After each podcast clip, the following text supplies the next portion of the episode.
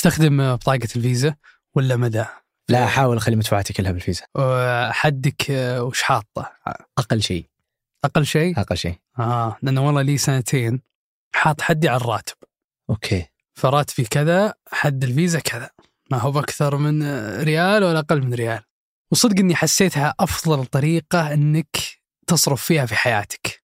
يعني خلاص أنت بدل ما إنك يعني نفس نفس صرفك ما غيرت شيء بس قاعد تستفيد من ميزات الفيزا. طبعا مو بجايك أشياء يعني مهولة بس بيجيك مردود. توني سددت أنا الفيزا فقاعد أسولف لك يعني عن ال... ما تصير في مشكلة إنك دائما في حياتك مديون راتب واحد؟ أنا ما أحسه دين احس راتبك هو هو نفسه يعني. يعني أنت ما تدينت راتبك هو نفس راتبك اللي نازل بداية الشهر أنت ما صرفته. يوم جاء وقت سدد الفيزا سددت فيه. آه بافتراض إنك تاركه في حساب ثاني. اي هو موجود في حسابك الأساسي آه فهمت بس أنت ما سويت ما. سويت فيه شيء. بس سددت فيه الفيزا.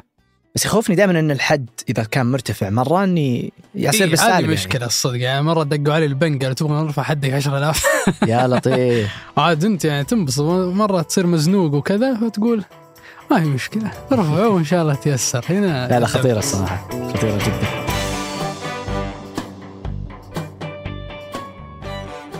هذا بودكاست الفجر من ثمانية. بودكاست فجر كل يوم نسرد لكم فيه سياق الأخبار اللي تهمكم. معكم أنا فارس الفرزان. وأنا ريان دعفس.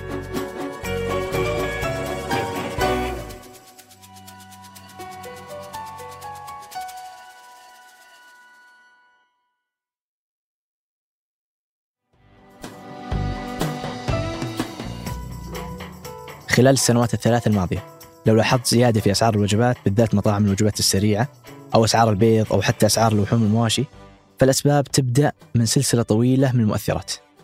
خلونا نبدأ مع مصانع الأعلاف الوطنية وهي تعتمد على المواد الخام المستوردة بنسبة 90% من مدخلاتها الإنتاجية. المواد الخام يعني فيها البروتين والدهون والكربوهيدرات. في المقابل شركات الألبان والدواجن تعتمد بنسبة كبيرة على الأعلاف بحيث تشكل 60 إلى 70% من التكلفة. وأي زيادة في أسعار الأعلاف يعني بالتأكيد المصانع الألبان وكذلك مزارع الدواجن راح تراجع أسعار منتجاتها وترفع أسعارها. يعني باختصار أي رفع في أسعار المدخلات بالمصانع راح يؤثر على أسعار المنتجات النهائية. ونعني هنا وجبتك اللي تاكلها. السؤال طيب ليش ترتفع أسعار المواد الخام في مصانع الأعلاف؟ فيها أسباب مثل تغير المناخ والحروب والآثار الاقتصادية بسبب كورونا. لكن يرجع السبب الأهم في التأثير على الأسعار إلى الحرب الروسية الأوكرانية. لأنهم من الدول الرئيسية المصدرة للحبوب في العالم. الحرب خلقت مشاكل في سلاسل الإمداد كمثال كانت أوكرانيا قبل الحرب تصدر حوالي 12% من صادرات القمح 15% من الذرة 50% من زيت عباد الشمس على مستوى العالم. ولأن الموانئ الأوكرانية محاصرة من قبل روسيا واجهت عمليات تصدير الحبوب تحديات كبيرة وهذا رفع سعر الشحن والتأمين. وهذا أيضا تسبب في قلة المعروض من الحبوب عالميا مما تسبب في ارتفاع الأسعار. ومن أجل تخفيف أزمة الغذاء العالمية بسبب نقص المعروض من الحبوب حاولت الأمم المتحدة إصلاح هذه المشكلة. وراعت اتفاقية اسمها اتفاق تصدير الحبوب في البحر الأسود في عام 2022 وهي اتفاقية بين روسيا وأوكرانيا تضمن عودة حجم صادرات الحبوب الأوكرانية إلى مستوى ما قبل الحرب أي تصدير خمسة ملايين طن شهريا. لكن بعد سنة روسيا تراجعت عن الاتفاقية. وبعد الانسحاب من الاتفاقية استهدفت طائرات روسية ميناء إسماعيل ودمرت مستودعات حبوب.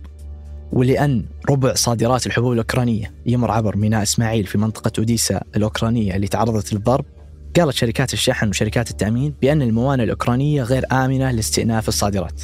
أسعار القمح في الأسواق العالمية آخذة في الارتفاع بعد إعلان روسيا أنها ستتعامل مع السفن المتجهة إلى الموانئ الأوكرانية كأهداف عسكرية. وعدنا مرة أخرى لنقطة الصفر. تعثر سلاسل الإمداد زيادة تكاليف الشحن وزيادة تكلفة التأمين واستمرت الأسعار في الارتفاع. لكن الشيء اللي يلفت الانتباه هو لجوء بعض مربين الماشية والمزارعين إلى نوع جديد من الأعلاف. بحيث حصل المزارعين في منطقتنا العربية أن زراعة طحالب الأزولا كانت بديل جيد وعلف حيواني بتكلفة قليلة. ولو بحثت في يوتيوب على سبيل المثال راح تجد في كثير من المزارعين في السعودية والعراق وسوريا ومصر يشرحون طريقة زراعة الأزولا وكيف أصبح بديل لهم عن الأعلاف. وهو معروف في مصر من وقت طويل ويستخدم كعلف للدجاج البياض والتسمين والأرانب والأسماك والبط ونبات الأزولا هو نبات موطنه الأساسي جنوب شرق آسيا ويعيش طافيا في حقول الأرز المغمورة بالمياه ويحتوي على نسبة عالية من البروتين تتراوح بين 35 إلى 40%. تمكن المزارعين في منطقتنا من زراعته بطريقة غير مكلفة بداخل أحواض مائية صغيرة نسبيا. لكن علميا هل الطحالب ممكن تكون بديل للأعلاف الحيوانية أو أنها مجرد حل مؤقت؟ هذا الأسبوع طور علماء في جامعة الملك عبد الله للعلوم والتقنية كاوست تقنيات جديدة لإنتاج طحالب دقيقة بكميات صناعية. يمكن استخدامها كأعلاف حيوانية ذات قيمة غذائية عالية. هو حل راح يساعدنا على التقليل من استيراد الأعلاف الحيوانية من الخارج تعزيز أمننا الغذائي المحلي. والطحالب من الأغذية فائقة الجودة بسبب كثافتها الغذائية الشاملة. أيضا سهولة زراعتها بتكلفة زهيدة باستخدام أشعة الشمس وثاني أكسيد الكربون والماء فقط.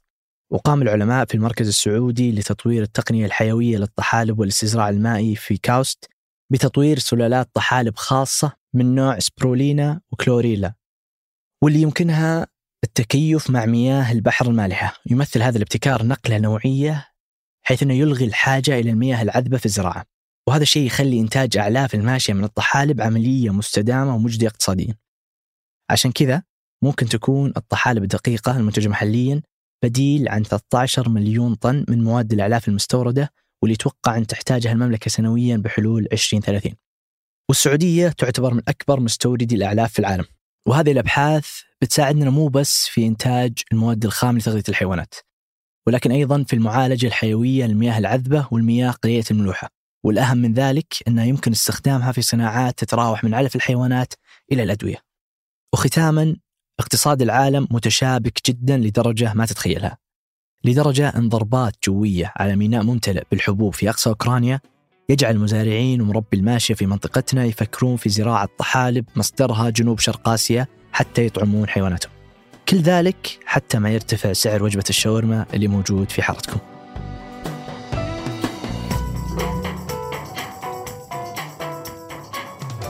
وقبل ننهي الحلقة هذه توصيات لنهاية الأسبوع. يبدأ اليوم في السينما عرض الجزء الثاني من فيلم دون وهو فيلم خيال علمي مقتبس من رواية لها نفس الاسم للرواية الأمريكي فرانك هيربرت واللي كتبها عام 1965 وصارت من كلاسيكيات روايات الخيال العلمي. الجزء الأول يمكن تتذكره لأنه نزل في 2021 وفاز بست جوائز أوسكار. وعلى وثائقيات ثمانية نزلت حلقة جديدة من سياق بعنوان قانون الإبادة الأغبياء. هذه الحلقة بنشرح السبب للترتيب المتدني للعرب في اختبارات الذكاء ال IQ وغيره وبنناقش الحل اللي المفروض يصير لهذه الاختبارات. وعلى بودكاست مليار ننصحكم بحلقة اللغة العربية والتقنية هل يجتمعان؟ تكلم الضيف وليد البلاع عن أهمية اللغة العربية في قطاع الأعمال والتقنية وليش شركاتنا صارت تطلب اللغة الإنجليزية كمعيار للتوظيف حلقة مهمة لأي واحد يفكر أنه يستخدم أو يتبنى اللغة العربية في تطوير المنتجات التقنية.